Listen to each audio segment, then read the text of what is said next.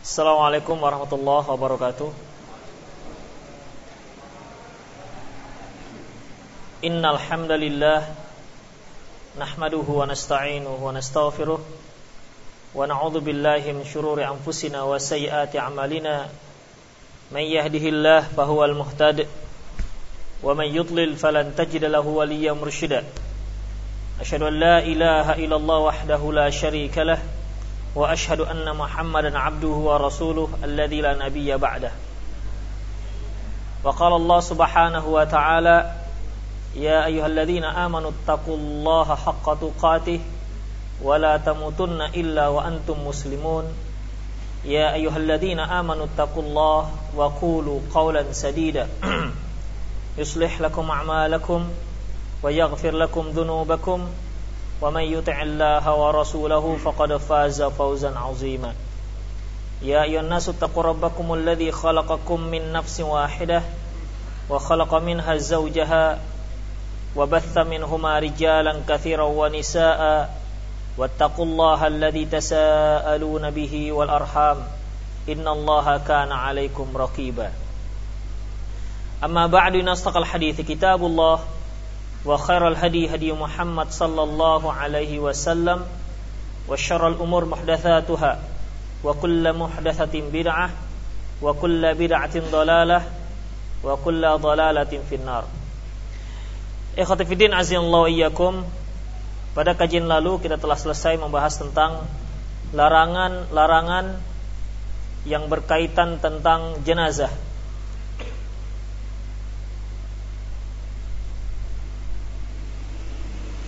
Larangan-larangan yang berkaitan tentang jenazah. Dan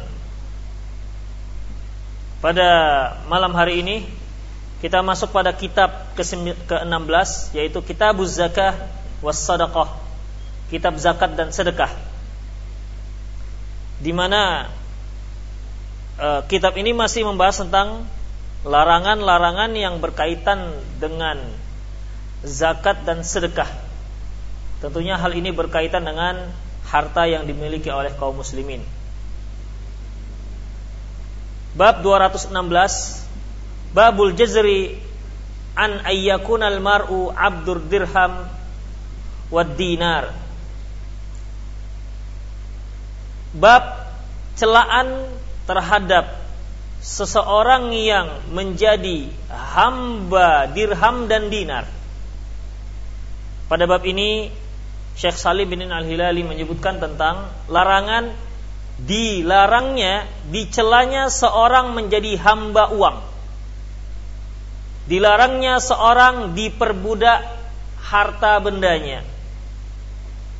Hadis yang diriwayatkan oleh Imam Bukhari an Abi Hurairah radhiyallahu anhu qala dari Abi Hurairah radhiyallahu anhu dia berkata qala Rasulullah sallallahu alaihi wasallam Rasulullah sallallahu alaihi wasallam bersabda, "Ta'is abdud dinar wa abdud dirham wa abdul khamisah."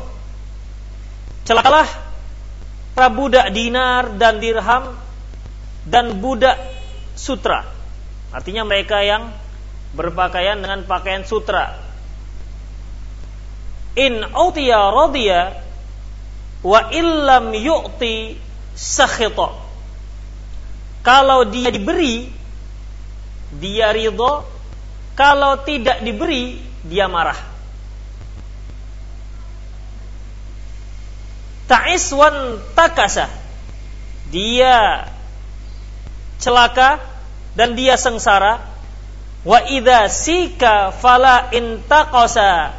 Apabila dia tertusuk duri maka duri tersebut tidak akan mungkin sulit untuk tidak akan sulit untuk dicabut Hadis ini para ikhwafidin azallahu iyyakum pertama di mana Rasulullah Shallallahu Alaihi Wasallam menyatakan celaka bagi orang-orang yang diperbudak uang. Kalau dahulu karena e, mata uang dinar dan dirham, makanya dikatakan abdud dinar wa abdud dirham, hamba dinar dan hamba dirham. Kalau sekarang abdur rupiah, hamba rupiah, di mana tujuan hidupnya semata-mata untuk mengumpulkan sebanyak-banyaknya uang rupiah. Itulah tujuan hidupnya. Uang merupakan skala prioritas bagi hidupnya. Uang merupakan segala-galanya bagi dirinya. Orang yang seperti ini dikatakan Rasulullah Sallallahu Alaihi Wasallam orang yang celaka. Kemudian ciri-ciri mereka seperti ini. Apabila diberi mereka ridho suka dengan orang yang diberi dan apabila tidak diberi dia pun marah.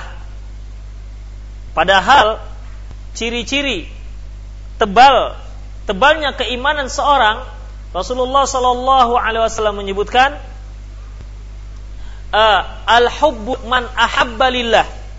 Barang siapa yang cinta karena Allah wa abghadha fillah dan benci karena Allah. Wa mana alillah tidak memberi karena Allah. Wa wa atalillah wa atalillah dan memberi karena Allah. Faqad istakmal iman. Berarti orang ini telah sempurna keimanannya. Jadi ketika dia memberi karena Allah dia senang dengan orang lain dikarenakan apa? Bukan dikarenakan orang ini sering memberi dia bukan karena orang ini sering apa namanya uh, senang membantu dia, bukan dikarenakan orang ini orang yang donatur yang banyak memberikan infaknya, bukan dikarenakan itu, tapi dikarenakan muslimnya dia, dikarenakan imannya dia, dikarenakan dia adalah saudara seiman. Berapa banyak kaum muslimin kalau dia meminta nggak diberi maka keluarlah celotehannya, pelitlah, yang kikirlah, yang bakhillah. Tapi kalau diberikan, ini adalah seorang yang muhsinin, orang yang ringan tangan, berbagai macam pujian ditujukan kepada orang ini. Para hafidin asyallahu iyyakum, memang siapa yang nggak suka diberi? Jangankan orang miskin, yang sudah berkecukupan pun kalau ada orang yang memberi dia hadiah, dia suka. Ya, dia suka. Kalaupun uh, hadiah yang diberikan itu dia sebenarnya tidak perlukan. Namun intinya dia suka diberi. Dan ini juga bisa membuat saling bersaudaranya, saling eratnya ukhuwah di antara kaum muslimin. Tahadu tahabu. Saling beri hadiah kalian akan saling mencintai, menumbuhkan ikatan. Namun jangan sampai kecintaan kita itu dikarenakan hadiahnya. Setelah tidak lagi diberi hadiah, maka dia pun marah maka berbagai macam celaan ditujukan kepadanya. Ini tidak dibolehkan para ikhwatiddin azallahu. Inilah ciri-ciri hamba hamba rupiah, hamba dinar, budak sahayanya dirham. Min fikhil bab, di antara fikih bab, al malu fitnah. Harta itu fitnah. Harta itu fitnah. Apa yang dimaksud fitnah di sini?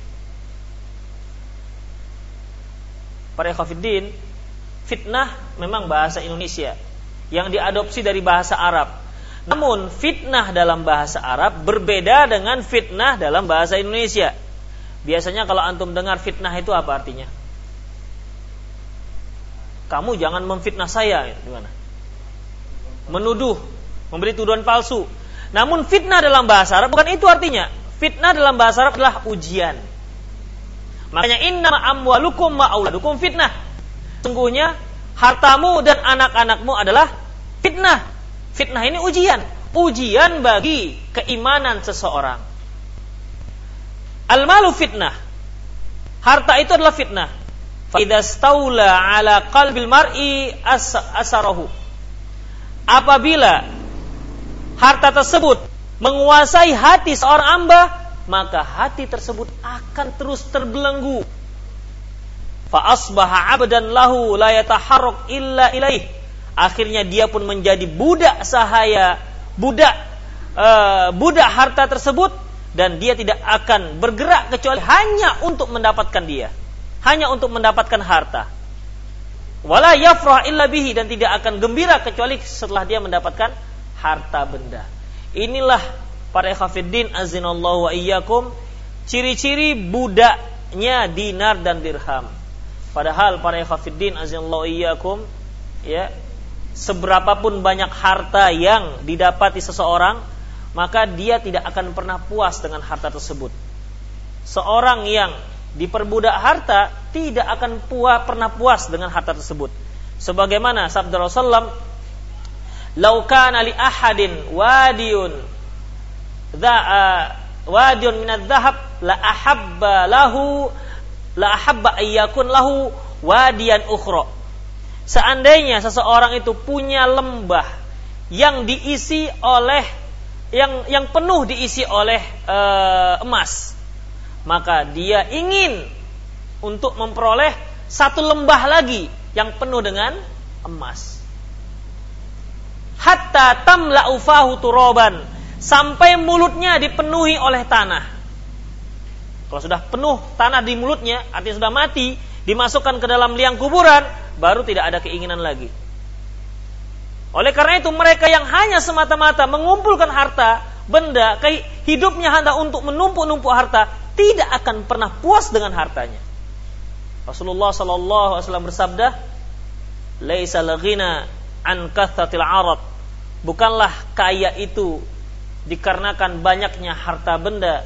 Innamal ghina ghina nafs. Sesungguhnya yang dikatakan orang kaya adalah orang yang kaya hati.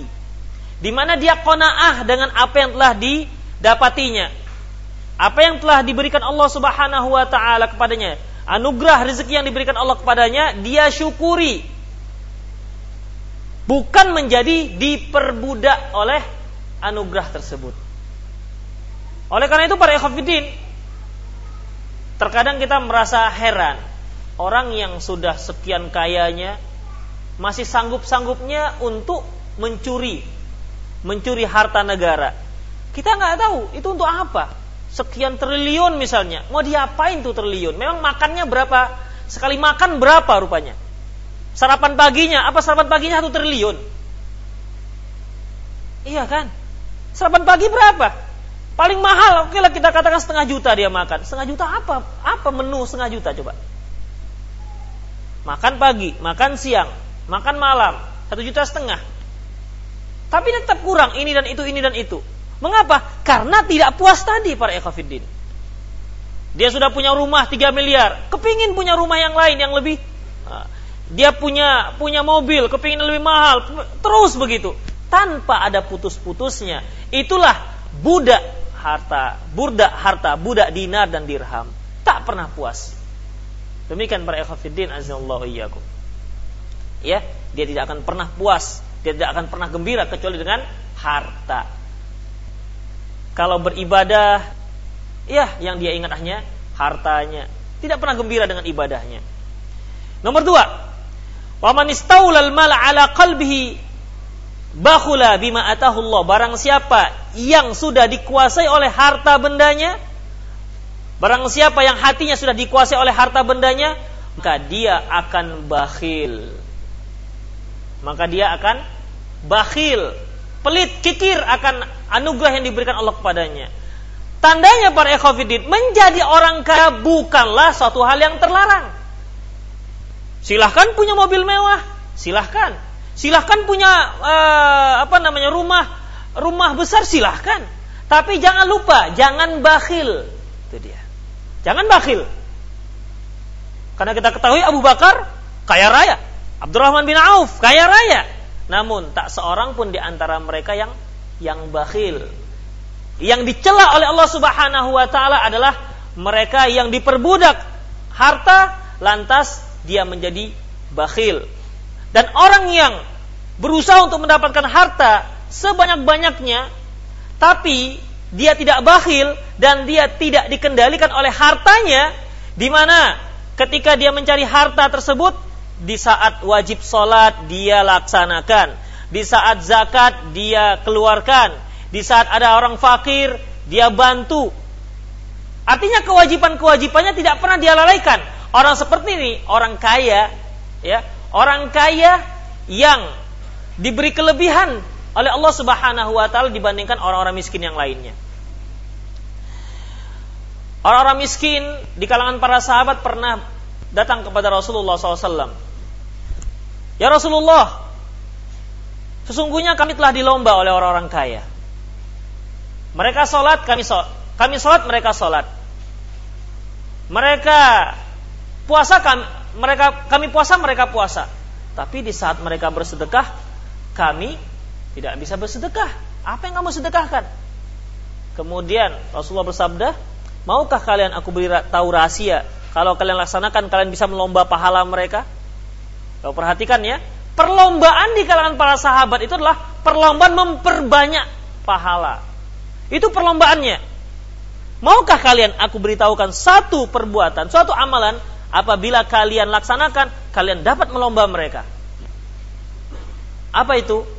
Rasulullah SAW me, me, memberikan uh, apa namanya amalan zikir, tasbih, tahlil, uh, tasbih, tahmid dan takbir. Oke, mereka pulang. Beberapa saat kemudian, tak lama lagi, tak lama beberapa waktu kemudian mereka datang lagi. Ya Rasulullah, orang kaya itu tahu bahwasanya zikir dan zikir yang Anda beritahukan kepada kami, mereka tahu. Akhirnya mereka pun ikut melakukannya. Apa kata Rasulullah? Dzalika fadlullah yu'ti man yasha. Ya sudah, itu merupakan anugerah yang diberikan Allah kepada siapa yang Dia kehendaki. Demikian para ikhwatiddin, azani Allah wa iyyakum. Barang siapa yang hatinya sudah dikuasai oleh harta, maka dia akan bakhil terhadap apa yang dianugerahkan Allah kepadanya.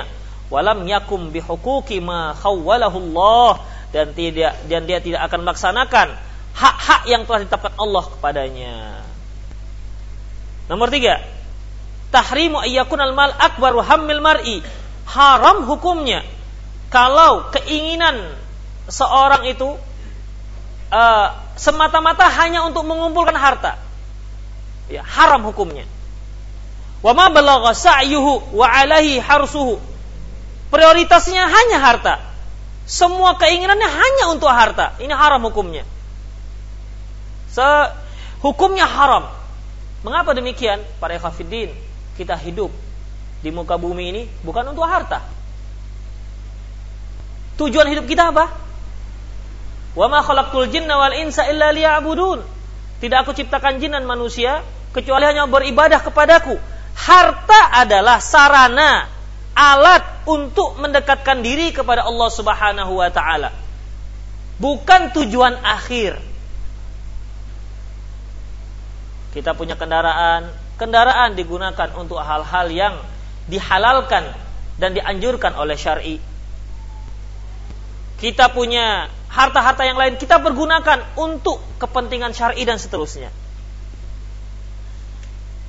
Qala Syekh Islam Ibnu Taimiyah fi wasiyatus sughra berkata Syekh Islam Ibnu Taimiyah dalam kitabnya Wasiat Sughra summa yanbaghi lahu ay ya'khudhal mal bi sakhawatin nafsi li yubarika lahu fi. Hendaklah seorang itu mendapatkan harta dengan legowo. Sakhawa itu dengan tenang ya agar dia mendapat berkah dari harta tersebut. Wala ya'khudhuhu bi israfin halua. Bi israfin haluin. Janganlah dia ambil dengan boros dan dengan keluh kesah. Bal yakunul mal indahu bi manzilatil khala alladhi yahtaju ilaihi min ghairi ayakuna lahu fil qalbi makana hendaklah dia jadikan harta itu perhatikan ya ibarat yang diberikan Ibnu Taimiyah. Hendaklah dia jadikan harta itu seperti WC di mana kalau dia butuh dia ambil. Kalau dia butuh dia masuk. Nggak butuh dia keluar. Apa ada orang yang betah di WC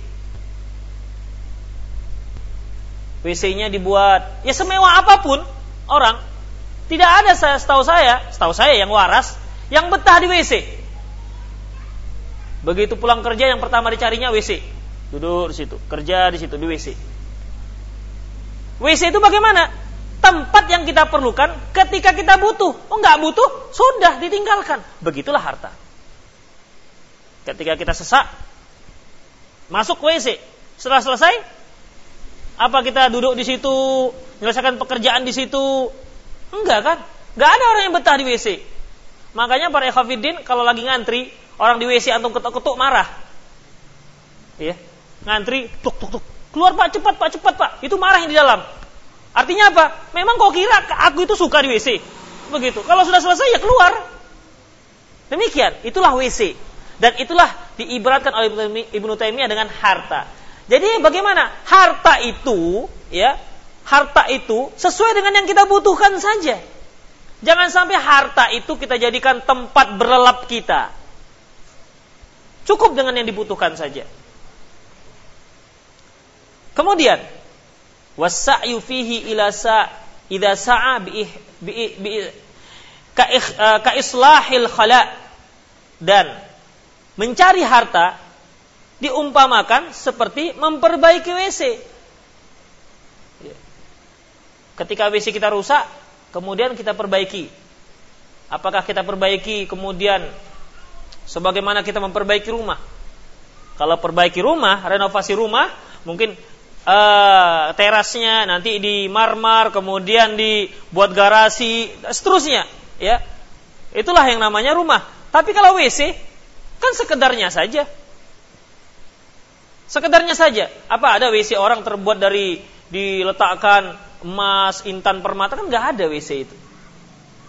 WC itu kalau rusak ya sudah perbaiki sebutuhnya saja. Begitulah kita seharusnya dengan ketika kita mencari harta. Ketika kita sudah cukup, ya, sudah cukup, tidak usah lagi menggebu-gebu sehingga menghabiskan waktu kita. Berapa banyak yang disibukkan dengan mencari harta dunianya, akhirnya tidak pernah berkomunikasi dengan anak istrinya. Perginya di saat anak dan istrinya masih tidur, pulangnya di saat anak dan istrinya sudah tidur. Kapan dia mendidik istrinya? Kapan dia mendidik anak anaknya. Dikira bahwasanya anak dan istri cukup dengan memberikan harta. Cukup diberikan rumah mewah. Berapa banyak orang-orang kaya yang gak betah di rumahnya. Yang menikmati rumahnya hanya orang-orang lewat. Wah, cantik sekali rumahnya ya. Sementara si penghuninya saja gak betah di situ. Demikian para ikhwatiddin azallahu iyyakum. Kemudian, wa fil haditsil marfu' alladhi rawahu Tirmidzi wa ghairi, dalam hadis yang diriwayatkan dari Nabi SAW dari uh, yang diriwayatkan oleh Tirmidzi dan lain-lainnya, man asbaha wa dunya akbaru hammihi. Barang siapa yang dunia itu menjadi semua segala prioritasnya. Syattatallahu alaihi syamlahu. Allah akan Allah akan buyarkan urusannya wa farraqa alaihi uh, dayatahu dan Allah akan dan Allah akan cerai beraikan usahanya. Walam ya'tihi minad dunya illa ma kutibalahu. Padahal dia tidak akan mendapatkan dunianya kecuali apa yang telah ditetapkan Allah untuknya. Waman asbaha wal akhir akbar hammihi, akbaru hammihi. Barang siapa yang akhiratnya menjadikan skala prioritasnya, jama Allah alai syamlahu, Allah akan kumpulkan urusannya. Wa wa ja'ala ghinahu fi qalbihi dan Allah akan menjadikan hal itu penuh dalam hatinya wa atathu dunya wa hiya dan dia akan didatangi oleh dunianya. Orang yang mencari akhirat, dunia pasti akan dapat. Para hafidin, orang yang mencari akhirat, dunia pasti dapat. Oh tapi Ustadz saya tengok banyak sekali itu orang-orang yang intinya hanya akhirat, uh, prioritasnya akhirat, tapi hidupnya pas-pasan. Kebanyakan saya lihat begitu Ustaz. Nah, gimana? Para khafiddin, kebutuhan dunia itu nisbi. Mungkin kita lihat dia pas-pasan. Coba tanya dia. Mereka yang hatinya penuh dengan cinta akhirat, coba tanya dia. Kira-kira Anda susah nggak dengan yang seperti ini? Jangan-jangan dia lebih bahagia dibandingkan kita. Dikarenakan apa? Karena inti tujuan hidupnya bukan hanya untuk mengumpulkan harta para ekafidin. Demikian. Bab selanjutnya, bab al-jazr anisyuh wal bukhl. Bab tercelanya pelit dan bakhil. Allah Subhanahu wa taala firman dalam surah Al-Ma'arij ayat 19 sampai 21, "Innal insana khuliqa halu'a." Sungguhnya manusia itu diciptakan dengan keluh kesah. Idza massahu syarru jazua. Apabila dia di, me, ditimpa keburukan jazua, dia akan uh, jazua itu terkejut takut. Wa idza massahul khairu manu'a. Dan apabila dia mendapatkan kebaikan manu'a. Manu'a ini apa artinya? Hah? Apa manu'a? Apabila dia mendapat kebaikan, dia kikir. Coba perhatikan ya. sifat manusia. Sifat manusia. Apabila dia ditimpa musibah, dia keluh kesah. Aduh, gimana ya? Gimana ya? Itulah manusia. Kalau sudah mendapatkan kebaikan, biasanya dia kikir. Demikian. Jadi susah salah, kaya salah. Itulah manusia. Susah salah, kaya salah. Makanya Rasulullah menyebutkan sifat seorang mukmin, ajaba amrul mukmin. Sungguh mengagumkan pribadi seorang mukmin. Idza asabahu syarra idza asabahu syarra sabara. Falahul jannah. Apabila dia ditimpa keburukan dia bersabar dan dia masuk surga. Fahuwa khairul lahu. Dan itu baik baginya. Wa idza asabahu wa idza asabahu khairan apabila dia mendapatkan kebaikan syakara dia pun bersyukur. Fahuwa khairul lahu dan dia baik baginya au kama qala itu adalah seorang mukmin. Jadi, ketika dia tertimpa musibah, dia jadikan itu sebagai ibroh. Dia jadikan itu sebagai uh, introspeksi diri. Mungkin ini merupakan cobaan bagi Allah. Mungkin Allah menegur saya dikarenakan saya telah menyimpang dari apa yang telah ditentukan oleh Allah Subhanahu wa taala. Ketika dia mendapat kesenangan, dia juga seperti itu. Ya, dia bersyukur Sebagaimana Nabi Sulaiman. Ya, siapa yang nggak kenal dengan kekayaan Nabi Sulaiman? Di mana dia mampu membangun istana dari kaca. Sehingga seorang ratu, ratu apa? Ratu Balkis yang datang ke istananya, ya, qila dalam surah An-Naml, An-Nahl, An-Naml. Dikatakan, silakan masuk wahai putri falamma ra'at hulujatan wa kasyafat an. Ketika dia lihat kolam, dia pun mengangkat roknya. Mengangkat roknya sampai terlihat betisnya. Coba. Kata Nabi Sulaiman, "Qala innahu sarhum min qawarir." Enggak perlu, enggak perlu diangkat roknya, turunkan, turunkan. Itu adalah istana terbuat dari kaca. Siapa yang enggak kenal dengan Nabi Sulaiman dan kekayaannya? Siapa yang kenal dengan Nabi Sulaiman? Raja yang menguasai manusia dan jin serta hewan-hewan. Bala tentranya terdiri dari jin, manusia, dan hewan yang menaungi menaungi tentranya. Burung-burung menaungi tentranya dari panas. Kemudian siapa lagi? Tentranya angin. Dalam tafsir Ibnu Katsir semua tentranya disuruh berdiri di atas karpet lebar. Semua. Beliau perintahkan angin supaya membawa karpet ini. Jadi cerita karpet terbang itu sebenarnya dari Nabi Sulaiman. Tapi bukan saja ada satu orang itu ya. Udah. Kemudian dia dinaungi oleh oleh burung tenteranya tersebut. Mana ada ya orang yang berani melawan tentara seperti ini? Ya. Dan kita lihat bagaimana tawaduknya. Ketika Nabi Sulaiman berkata kepada kaumnya, Ya ayyuhal mala'u may ya'tini bi'arsyiha qabla ayyatuni muslimin. Wahai kaumku, uh, wahai menteri-menteriku, siapa yang sanggup mendatangi aras aras daripada Ratul Bakis sebelum dia datang kemari untuk menyerahkan diri, menyatakan uh, apa namanya tunduk karena kerajaan Balkis, kerajaan Sabak waktu itu uh, satu benda yang menjadi simbol negara mereka adalah singgasana.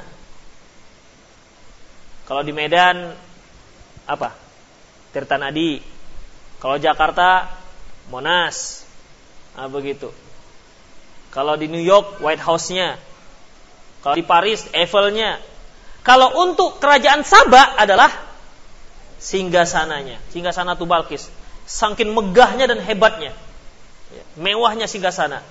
Ratu Balkis. Jadi itu yang dibawa Nabi Sulaiman. Nabi Sulaiman kerajaan di Palestina, Sabak, kerajaan Sabak berada di Yaman. Itu yang mau dibawa oleh Nabi Sulaiman. Berkata seorang jin, qala ifritu qala ifritu ana atika bihi qabla an taquma min maqamik. Ifrit berkata, "Ya Nabi Sulaiman, aku akan bawa singgah sana itu sampai di sini sebelum Anda bangkit." Sebelum Anda bangkit, singgah sana sudah ada. Coba berapa kecepatannya itu? Seret seret. Bangkit berapa detik bangkit dari dari duduk ke diri? Qala alladhi qala alladhi 'indahu ilmu minal kitab. Berkata orang yang mendapatkan ilmu dari kitab, ana atika bi qabla an tartadda ilaika tarfuk. Aku akan datangi sebelum matamu berkedip. Coba berapa tuh kecepatannya? Palestina, Yaman, Yaman, Palestina.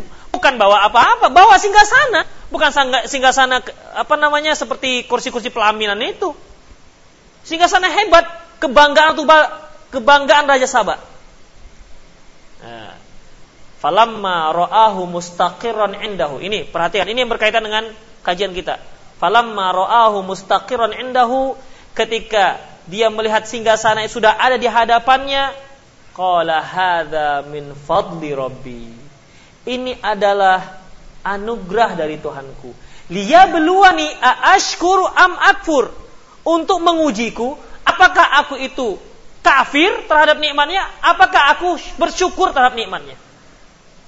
Itulah dia. Nabi Sulaiman. Jadi kekayaan juga merupakan cobaan. Untuk mengujiku apakah aku bersyukur dengan nikmat ini atau tidak. Itulah Nabi Sulaiman, Nabi Allah, anaknya Nabi Daud. Para azallahu wa iyyakum. Yang syukur-syukur seperti ini yang disebutkan Allah Subhanahu wa taala wa in syakartum la azidanakum. Kalau kalian bersyukur akan kami tambah-tambah. Bukan hanya sekedar syukur, alhamdulillah, alhamdulillah, apalagi sambil digoyang-goyang. Tidak, ini yang dimaksud syukur. Syukur lidah itu syukurnya orang awam. Syukur yang diinginkan oleh Allah Subhanahu wa taala, syukur yang terwujud dalam tingkah lakunya sehari-hari, melaksanakan perintah Allah, menjalankan larangannya. Ini yang orang yang bersyukur. Sebagaimana Nabi Sulaiman ditambah-tambah oleh Allah Subhanahu wa taala. Para khafiddin azallahu iyyakum. Ya, bersyukurnya Nabi Sulaiman.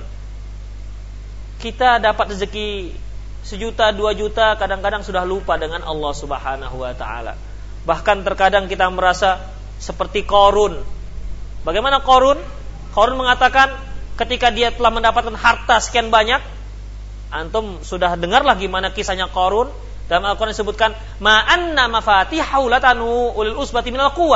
Bahwasanya uh, kuncinya saja, peti kuncinya saja tidak bisa diangkat oleh orang yang terkuat pada saat itu.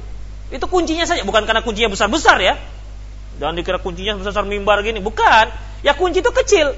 Kunci gudang hartanya saja tidak bisa diangkat oleh oleh apa namanya orang yang terkuat pada waktu itu. Namun apa kata Korun? Qala ha uh, innama utituhu ala ilmin indi. Ini aku dapati dikarenakan ilmu yang aku dapati dikarenakan kehebatan ilmuku, mengolah hartaku, mengolah usahaku sehingga banyak seperti ini melimpah ruah. Lupa dengan Allah Subhanahu wa taala. Akhirnya Allah tenggelamkan dia dan hartanya keluarga semua masuk dalam tanah. Itulah dia. Gak bersyukur para ekhafiddin.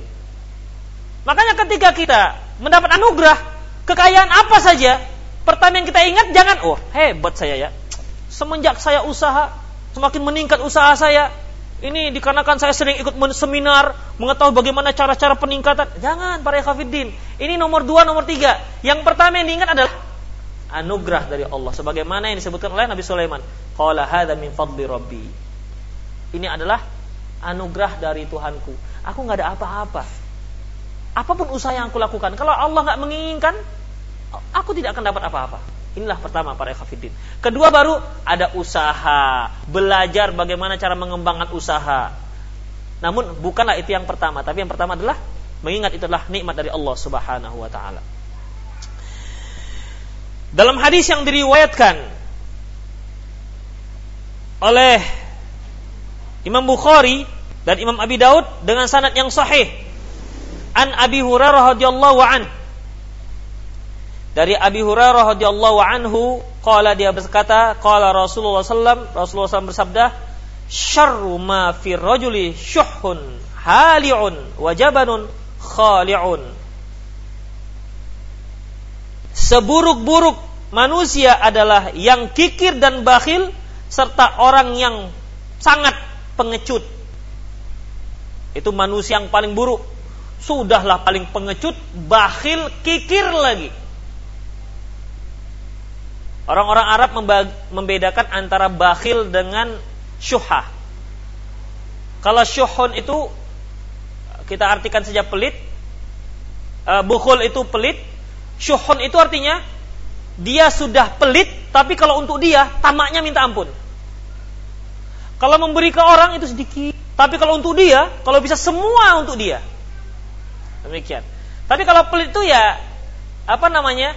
Dia lebih cenderung kepada lebih le, lebih lebih cenderung kepada bakhil dengan apa yang dia beri. Adapun tamak tidak demikian. Tidak begitu tamak. Beda dengan dengan suhun. Kemudian para ekhafiddin, orang yang pengecut. Orang yang pengecut, ya di mana pun tidak akan bisa dipakai. Orang orang-orang pengecut tidak akan bisa dipakai. Tidak akan bisa di, di, di, dimanfaatkan tenaga di tengah-tengah masyarakat. Disuruh perang, takut mati. Disuruh usaha, takut rugi. Disuruh nikah, takut lapar. Susah. Semua pengecut. Ya.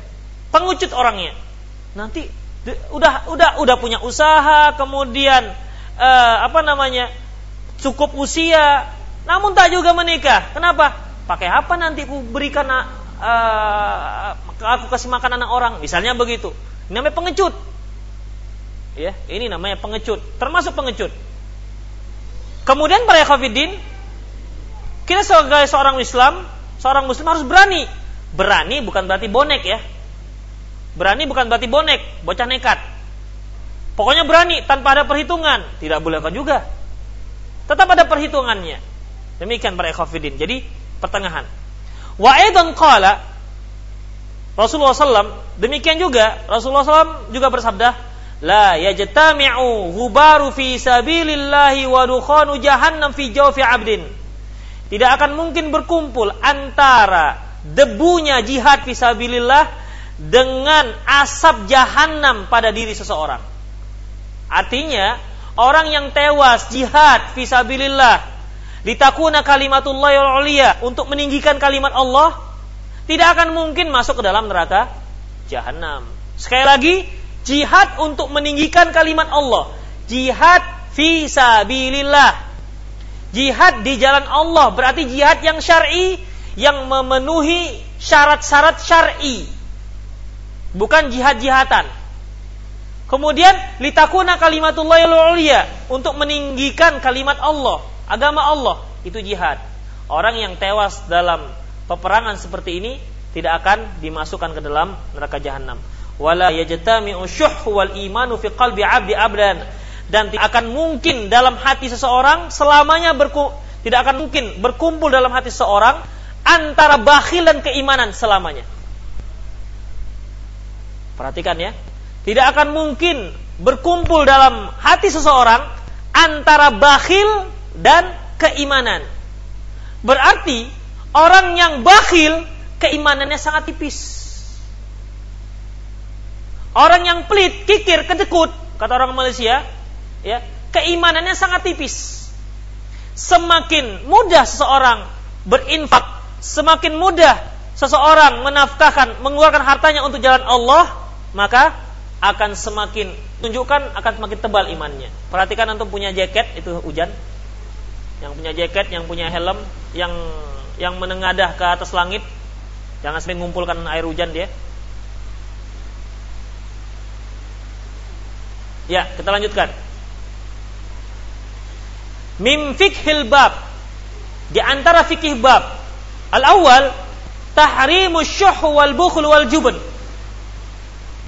pelit, kikir dan pengecut hukumnya haram. Yang kedua, asyuhu wal bukhlu wal jubnu min masal akhlak.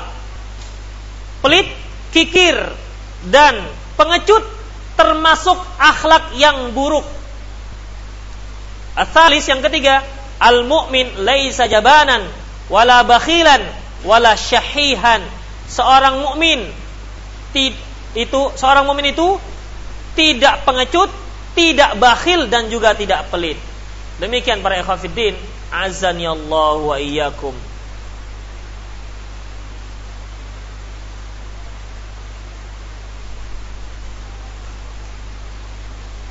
Kita lanjutkan satu bab lagi ya. Bab 218, babul jazri an imsakil mal wal harsi alaih. Bab celaan menahan-nahan harta dan tamak untuk mendapatkannya. Hadis yang diriwayatkan oleh Imam Bukhari dan Muslim an Asma binti Abi Bakar radhiyallahu anhuma. Dari Asma binti Abi Bakar radhiyallahu anhuma annaha ja'at ja'atin Nabi SAW. Dia mendatangi Nabi SAW. Faqalat, dia berkata, Ya Nabi Allah, laisa li syai'un illa ma adkhala alayya jabir, zabir. Zubair. Ya Nabi Allah, aku tidak punya apa-apa kecuali harta yang diberikan Zubair kepadaku, maksudnya suaminya. Fahala alayya naja janah junahun an ardikha mimma yadkhul alayya mimma yadkhul alayya Bolehkah aku menginfakkan apa yang aku dapati dari Zubair? Qala Rasulullah bersabda, "Ardikhi mastata'ti." Silahkan kamu infakkan sesanggupmu. Wala tu'i fatu'illah alaik. Jangan kamu tahan-tahan, maka Allah akan menahan-nahan anugerahnya kepadamu. Jadi salah satu penyebab susahnya seseorang yaitu dikarenakan bakhilnya dia kepada orang lain.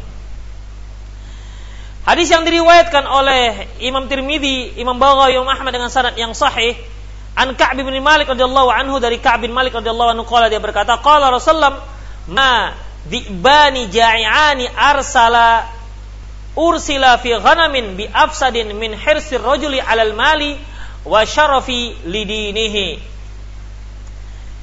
Sesungguhnya tidaklah dua ekor serigala yang lapar yang di, yang di, yang dilepaskan terhadap uh, untuk menangkap kambing lebih merusak ketimbang seorang yang tamak dengan hartanya yang dapat merusak seorang yang tamak yang dapat merusak harta dan dan agamanya. Kita lihat kalau dua serigala lapar, kita lepaskan untuk makan kambing. Itu kan dirobek-robek, dirusaknya kambing itu. Sungguhnya orang bakhil yang tamak akan merusak hartanya dan merusak agamanya lebih parah dibandingkan serigala merusak si kambing itu. Itu maksudnya. Min fikil bab satu, an-nahyi 'anil mani' sadaqah khasyatan nafad. Larangan menahan-nahan sedekah, tidak memberi sedekah karena takut habis hartanya. Para ikhwafidin perlu kita ketahui belum pernah ada sejarah orang yang bersedekah lantas jatuh miskin. Belum pernah. Seperti Abu Bakar, dia menginfakkan hartanya, suruhnya. Apa yang tinggal lagi Abu Bakar kata Rasulullah? Allah dan Rasulnya yang tinggal. Apakah lantas setelah itu ada riwayat Abu Bakar jatuh miskin, melarat? Enggak. Bahkan semakin bertimbun hartanya. Anugerah yang diberikan Allah Subhanahu wa taala kepada dirinya. Semakin banyak harta bendanya. Demikian. Tapi antum jangan seperti itu. Antum belum tahan seperti itu. Ustadz saya mau infakkan harta saya, mobil saya, kereta saya, rumah saya, semua untuk untuk visabilillah. Istrimu gimana? Biarkan saja Ustadz, kami nanti cari makan di pinggir jalan. Gak dibolehkan seperti ini. Akhirnya istrinya minta-minta begitu. Gak dibolehkan. Ya. Nanti akan ada kajian yang khusus tentang itu. Di anna dzalika yaqta'ul barakah karena orang takut seperti ini, ya takut hartanya habis karena ber, be, memberi sedekah, ya akan memutuskan keberkahan. Para khafidin, kita mendapatkan harta pas-pasan untuk keluarga kita. Ya dia dicari sehari cukup untuk satu hari, dibeli, dicari sebulan cukup untuk sebulan, ya tidak lebih dan tidak kurang. Dan keberkahan itulah yang membuat kita merasa tenang. Keberkahan itulah yang membuat kita rasa merasa tenang. Rasulullah menyebutkan, barang siapa yang barang siapa yang sudah mendapatkan makanan pokok untuk satu hari itu, barang siapa yang punya persediaan makanan pokok untuk satu harinya, berarti dia telah mendapatkan dunia dan seisinya. Coba, itu kan Rasulullah. Kalau saya tanya, antum masa Luis, stok di rumah untuk berapa hari? Seminggu. Berarti udah udah tujuh kali lipat dari apa yang dikata Rasulullah SAW. Kalau sudah diberikan dunia dan seisinya, seolah-olah dia telah diberikan dunia dan seisinya, berarti antum telah mendapatkan dua tujuh dunia dan seisinya. Coba. Apa lagi? Ya, itu orang kaya kata Rasulullah SAW. Dan itu tidak akan bisa dirasakan kecuali orang yang telah mendapatkan berkah dari rezekinya. Kalau nggak dapatkan berkah para ikhwafidin untuk tujuh turunan sudah dia kumpulkan tetap tidak cukup. Itulah dia. Ya, karena nggak berkah. Makanya jangan bakhil. Kalau mau infak cari-cari duit ya ujung-ujung ujung-ujungnya yang yang biru yang sudah lusuh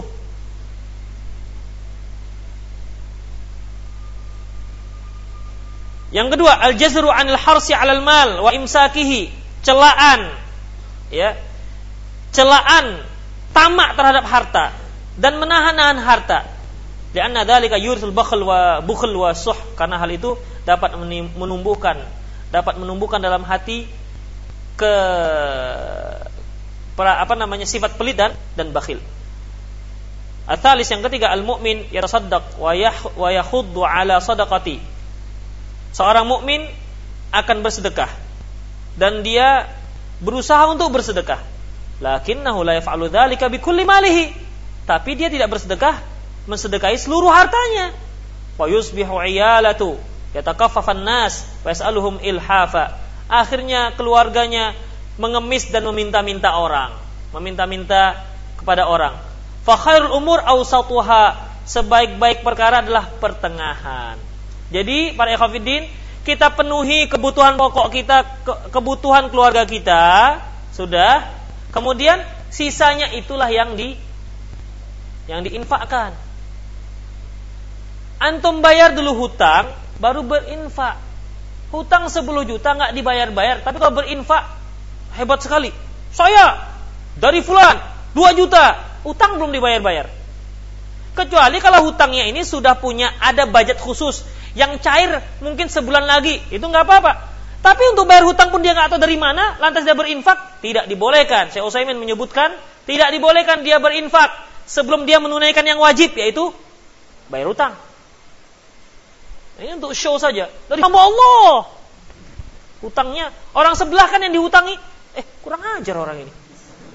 Hutang kita nggak dibayar-bayar, ifaknya banyak-banyak. Kan bisa sakit hati. Demikian para ikhwafidin azallahu iyyakum. Ya, jadi khairul umur ausatuha.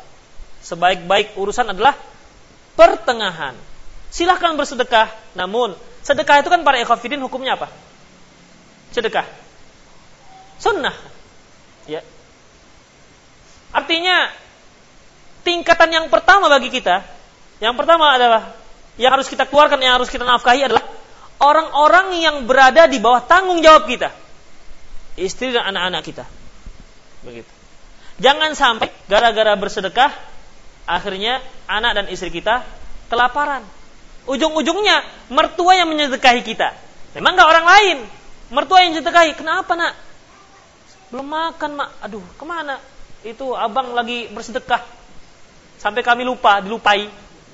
Mertua juga yang ngurus anak. Berapa banyak orang yang dakwah kemudian anak dan istri titip dengan dengan mertua, nggak tinggalkan apa-apa. Sayang sekali, bukan demikian Islam. Ya. Islam itu menunaikan kewajiban yang prioritas dan yang prioritas. Ada skala prioritas. Mana yang wajib dan yang wajib. Yang lebih wajib dan yang wajib. Demikian. Sudah selesai, ya, kemudian baru bisa bersedekah untuk yang yang lainnya. Tapi Ustadz, kalau kita katakan untuk mencukupi keluarga, keluarga saya nggak cukup-cukup.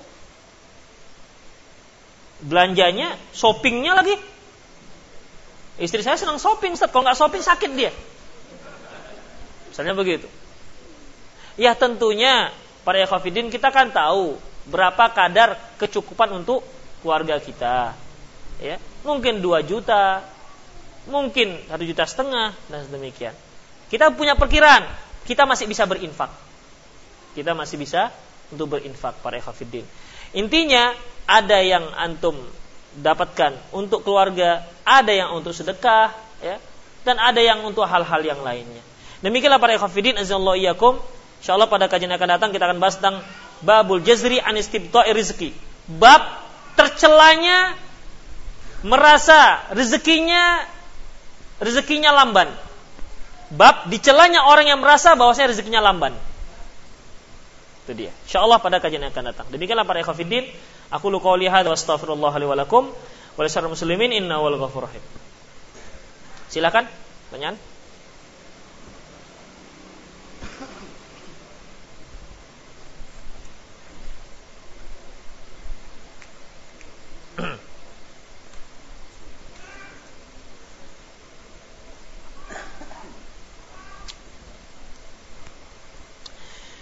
Sifat pelit itu terkadang kita lihat seseorang sejak masa kecilnya, setelah dewasa terbawa-bawa.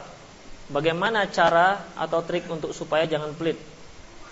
Para khafidin yang namanya anak-anak, ya, yang nama anak-anak biasanya kalau memang kalau dia nampak abangnya beli, dia minta yang punya dia disimpan-simpan. Ini para khafidin.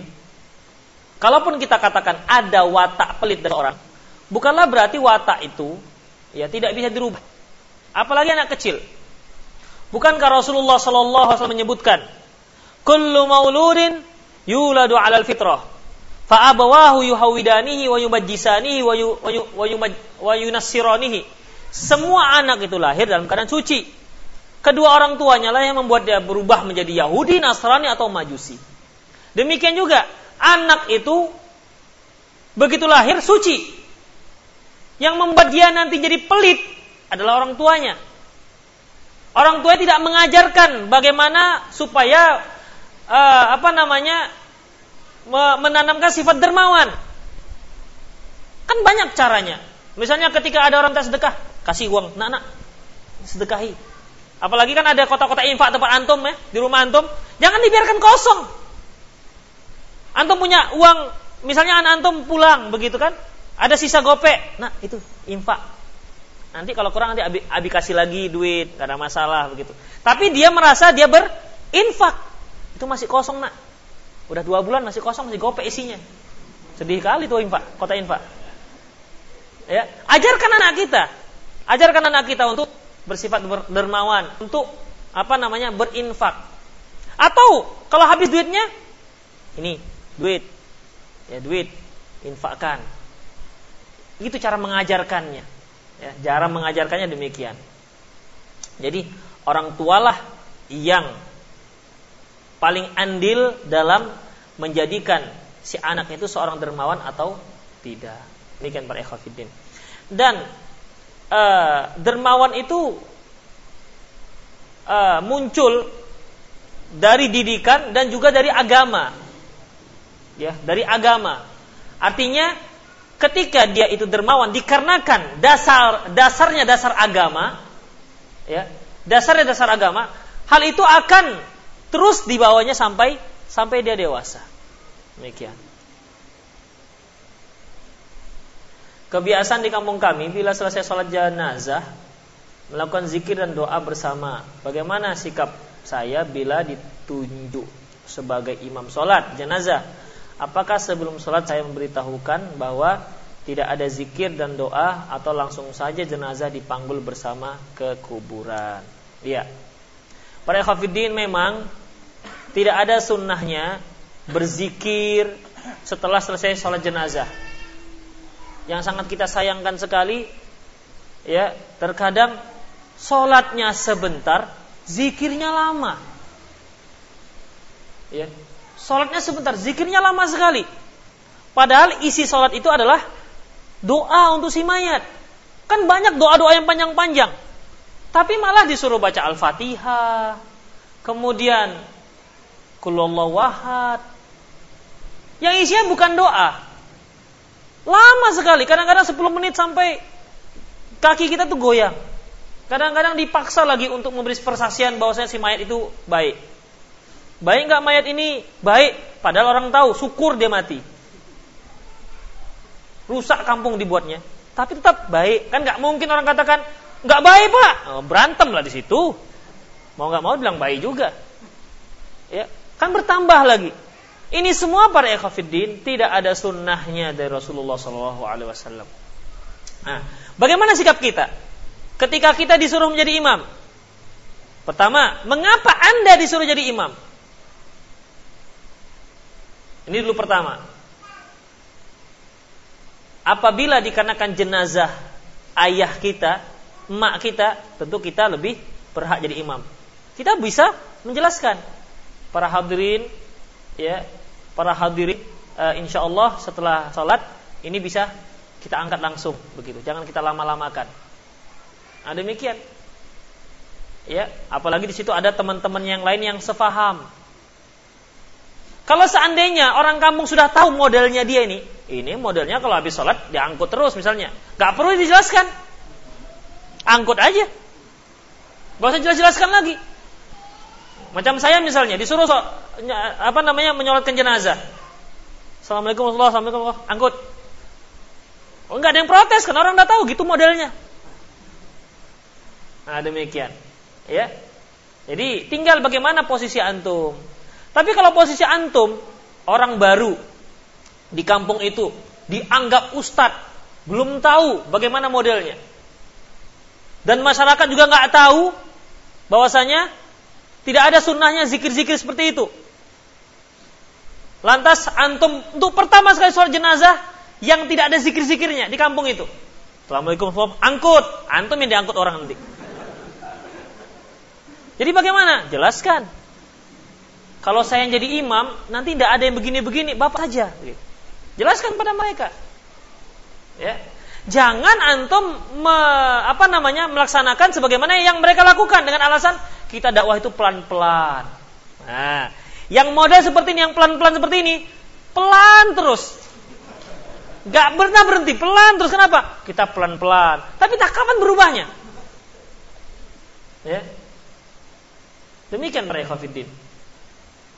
Berapa banyak orang yang mau merubah sebuah kebidahan, kekhurafatan, budaya-budaya yang ada kesyirikan, dia masuk ke dalam mereka bersama mereka, ikut melaksanakannya dengan alasan untuk merubah di dalam, gak pernah berubah, bahkan dia yang berubah. Itulah dia. Makanya dari awal, mendingan kita sudah memberitahukan sikap kita. Saya nggak bisa seperti ini, saya nggak meyakini ini benar. Jadi kalau jadi mereka bisa apa namanya? Bisa paham dengan kita, kita juga bisa paham dengan mereka. Tapi kalau dari awal kita sudah bunglon, sudahlah bunglon terus. Makanya terkadang ada ustadz itu di sini dia zikir, sana kok enggak? Ya. Kalau di Aceh ada, saya tengok kan, ada yang ustadz. Itu ustadz itu kalau di umat kita nggak ada kunutnya. Tapi kalau sini kunutnya panjang kali. Kalau di, di, di, di masjid ini dia zikirnya panjang, kalau di sana enggak. Ya itulah akhirnya. Padahal seharusnya para ikhwafidin yang penting itu penjelasan dan sikap kita dan orang-orang tahu kita tidak memahami demikian dan jangan arogan. Nah, Bapak kenapa nggak gitu? Oh ini bid'ah, dolala finar. Dipukul orang begitu. Belum apa-apa sudah membidah-bidahkan sementara orang nggak tahu dari mana munculnya tiba-tiba bid'ah. Jadi butuh penjelasan. Penjelasan agar orang tahu sikap kita bagaimana dan kita tetap tawaduk dengan mereka. Tidak merasa mengajarkan, apalagi di situ ada kiai-kiai, ya, tidak demikian para ikhwatiddin azallahu iyyakum.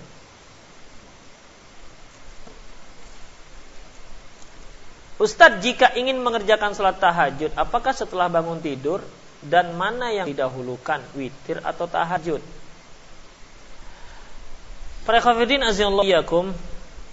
Tahajud itu sholat malam. Allah Subhanahu wa taala firman, "Wa minal laili fatahajjad bihi nafilatan lak." Wa minal laili dan di malam hari fatahajjad bihi maka tahajudlah Nafil talak sebagai uh, sebagai sholat sunnah bagi kalian. Jadi sholat tahajud itu dilaksanakan pada malam hari. Kapan malamnya? Sebelum atau setelah tidur? Di sinilah berbagai macam definisi di kalangan para ulama fikih. Ada yang mengatakan harus sudah tidur dulu baru tahajud. Kalau nggak tidur nggak tahajud. Ada yang mengatakan harus tengah malam setelah tengah malam. Ada yang menyebutkan yang penting setelah sholat isya, setelah sholat ba'diyah, maka kalaupun dia laksanakan sebelum tidur, maka tetap dikatakan tahajud. Karena dilaksanakan pada waktu malam. Quran menyebutkan di malam hari. Ya.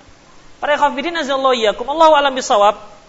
Saya lebih cenderung pada pendapat bahwasanya tahajud itu adalah qiyamul lail. Qiyamul lail itu adalah tarawih. Jadi terawih ini istilah Qiyamul Lail yang dilaksanakan pada bulan Ramadan. Jadi itu itu juga jenis salatnya. Demikian para ikhwafidin azanallahu Allahu alam bisawab. Dan ini juga pendapat Syekh Muhammad Nasir Al-Albani dalam kitabnya At-Tarawih Salatul Tarawih. Di mana beliau menyebutkan Qiyamul Lail dialah tahajud, dialah uh, apa namanya? tarawih. Namun tarawih lebih banyak diistilahkan untuk pelaksanaan pada waktu bulan Ramadan. Uh, Abu Hurairah radhiyallahu anhu pernah menyebutkan sebuah pernyataan dalam sebuah hadis sebutkan bahwasanya beliau menyatakan Ausani khalili sesungguhnya kekasihku telah memberi wasiat kepadaku an autira qabla anam agar aku salat witir sebelum aku tidur. Berarti itulah salat dia yang terakhir. Sebagaimana sabda Rasulullah Ija'alu akhir salatakum al-witra. Jadikan salat kamu yang terakhir itu salat witir. Jadi tahajud dulu diakhiri dengan witir. Witir itu adalah salat yang mengganjilkan bilangan rakaatnya. Itu dia, bilangan yang mengganjilkan rakaatnya. Kalaupun tidak mampu 11 misalnya, maka yang paling minimal itu satu rakaat. Boleh kita Salat satu rakaat saja pada waktu malam itu. Sebagaimana yang dilakukan oleh Muawiyah bin Abi Sofyan satu rakaat. Kemudian dilihat oleh seorang sahabat atau tabiin dan amalan Muawiyah bin bin Abi Sofyan ini dilaporkan kepada Ibnu Abbas. Apa kata Ibnu Abbas? Fa innahu sunnah. Fa inna sunnah itu adalah sunnah. Nah, kisah ini tercantum dalam kitab Al-Mishkat Al-Mishkat Masabih. Riwayatnya sahih. Ustaz, adakah puasa pada bulan Muharram tepatnya 9 dan 10? Iya, para ikhwatiddin. Uh, pada awalnya ketika Rasulullah Shallallahu alaihi wasallam pertama sekali datang ke Madinah, beliau melihat penduduk Madinah itu puasa pada tanggal 10 Muharram, Asyura. Lantas beliau bertanya, "Mengapa kalian berpuasa pada hari tersebut?" Kemudian kata mereka, sesungguhnya ini adalah hari diselamatkannya Nabi Musa dari kejaran Firaun dan ditenggelamkannya Firaun dan keluarganya. Lantas fasoma Musa syukronillah. Lantas Nabi Musa berpuasa sebagai tanda syukur kepada Allah Subhanahu wa taala. Lantas Rasulullah SAW menyebutkan wa nahnu ahaqqu bi Musa minkum aminhum. Kami lebih berhak untuk berpuasa. Kami lebih berhak terhadap Nabi Musa daripada kali daripada mereka maksudnya orang Yahud. Fa amara bisyamihi. Fasoma fa amara bisyamihi. Lantas beliau pun berpuasa dan memerintahkan para sahabat untuk melaksanakan puasa pada 10 Asyura tersebut. Inilah puasa pertama yang hukumnya wajib di kalangan kaum muslimin sebelum turunnya kewajiban puasa Ramadan. Lantas dalam riwayat yang lain disebutkan beberapa waktu kemudian para sahabat bertanya, "Ya Rasulullah, fa innahu yaumun yu'ad tu'adzimuhu yahud wan nasara." Ya Rasulullah, hari Asyura itu 10 Muharram adalah hari yang di uh, hari yang diagung-agungkan oleh orang Yahudi, orang Nasrani. Bagaimana kita melaksanakan puasa juga? Seolah-olah kita juga mengikuti puasa mengagungkan hari tersebut. Karena salah satu prinsip Rasulullah SAW adalah tidak ingin menyerupai orang-orang non-muslim. Beliau menyebutkan man tasyabbaha biqaumin fahuwa minhum. Barang siapa yang menyerupai satu kaum maka dia termasuk mereka. Oleh karena itu para ikhwatiddin Rasul tidak suka menyerupai orang orang Yahudi, orang Nasrani, orang-orang musyrik. Makanya para sahabat bertanya, "Ya Rasulullah, hari ini kan hari yang diagungkan oleh orang Yahudi, orang Nasrani. Kenapa kok kita ikut-ikutan mengagungkannya dengan puasa pada hari itu juga?" Demikian kata sahabat. Apa kata Rasulullah SAW? Kalau begitu, tahun depan kita berpuasa pada tanggal sembilannya. Namun, sebelum beliau sampai pada tahun depannya, beliau sudah meninggal dunia. Hakam bin Arad pernah bertanya kepada Ibnu Abbas tentang puasa Ashura. Apa kata beliau? Sesungguhnya Rasulullah SAW menyuruh kami e, berpuasa pada tanggal 9 dan 10-nya. Jadi puasa Ashura dilaksanakan pada tanggal 9 dan 10 sebagai e, amalan untuk menyelisih orang Yahudi dan orang-orang Nasrani. Dan perlu antum perhatikan, tidak ada satu amalan sunnah pun yang dikaitkan, yang berkaitan dengan Muharram selain puasa Ashura. Adapun puasa satu Muharram tidak ada dalilnya, kalaupun ada dhaif. Atau buat buat lemang penolak bala 10 Ashura. Ini bid'ah. Atau apa namanya pada bulan Ashura juga dilakukannya karnaval sebagai tanda sedih untuk kematian Hussein di Karbala. Ini juga bid'ah, bid'ahnya orang Syiah. Di sebentar lagi tanggal 10 tanggal tanggal berapa itu mereka akan mengadakan karnaval dengan me, me, mengikatkan pisau dan mencambuk-cambukkannya ke punggung sampai e, berdarah-darah dan luka dan mereka meyakini barang siapa yang mati pada saat itu maka matinya sama derajatnya seperti Hussein. Saya pernah melihat itu langsung di Pakistan. Dan orang-orang kayanya di mobil begini aja. Yang miskin-miskinnya yang pakai pisau. Nah, demikian para. Ya. Kalau seandainya kematian Hussein radhiyallahu anhu tujuh Rasulullah harus kita bela sungkawai, sesungguhnya wafatnya Rasulullah itu lebih berhak untuk lebih utama untuk kita sedihkan. Tapi para sahabat tidak pernah bersedih, mengulang-ulangi kesedihan, memperingati wafatnya Rasulullah Sallallahu Alaihi Wasallam. Makanya ini bid'ah, ya bid'ah. Yang lain, habis ya? Ada online? Habis ya? Hah?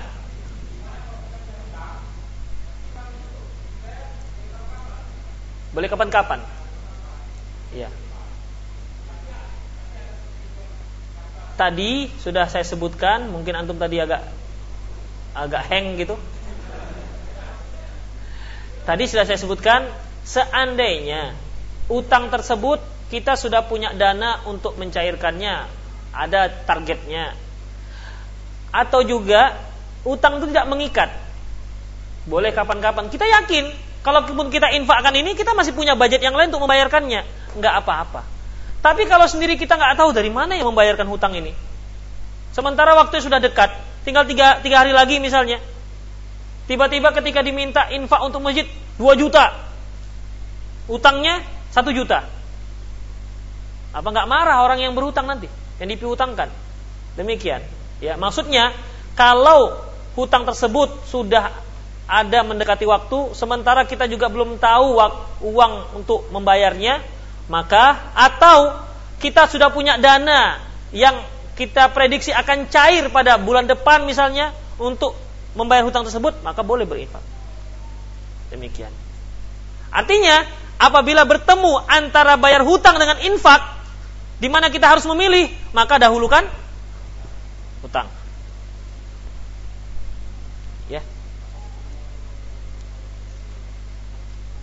Ya, ini siapa yang nanya itu? Herman. Di internet dia nanya, apa hukumnya kita memanggil suami istri manggil abi dan umi? Para ikhwatiddin.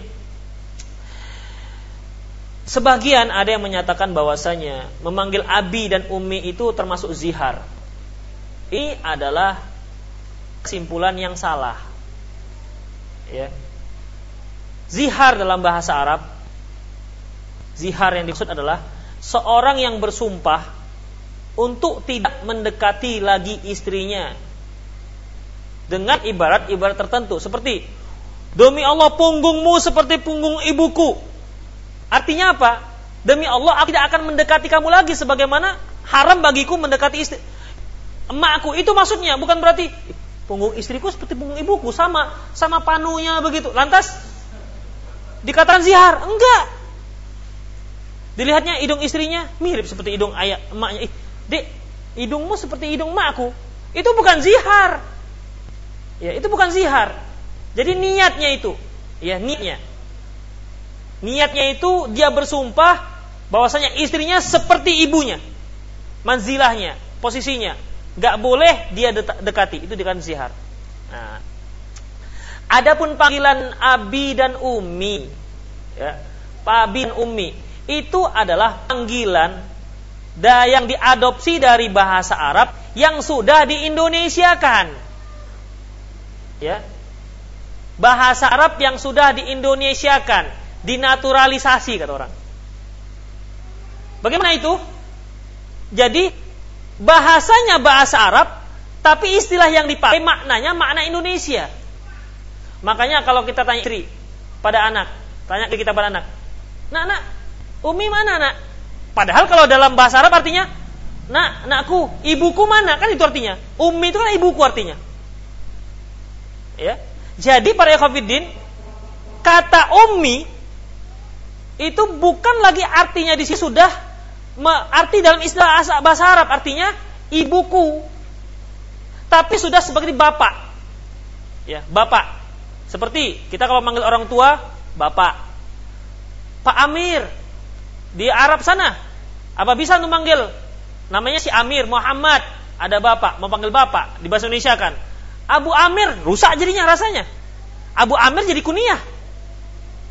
Karena bapak itu Abu, Amir namanya. Antum panggil Abu Amir.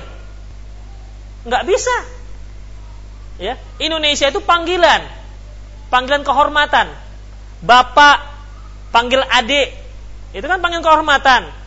Nah, demikian.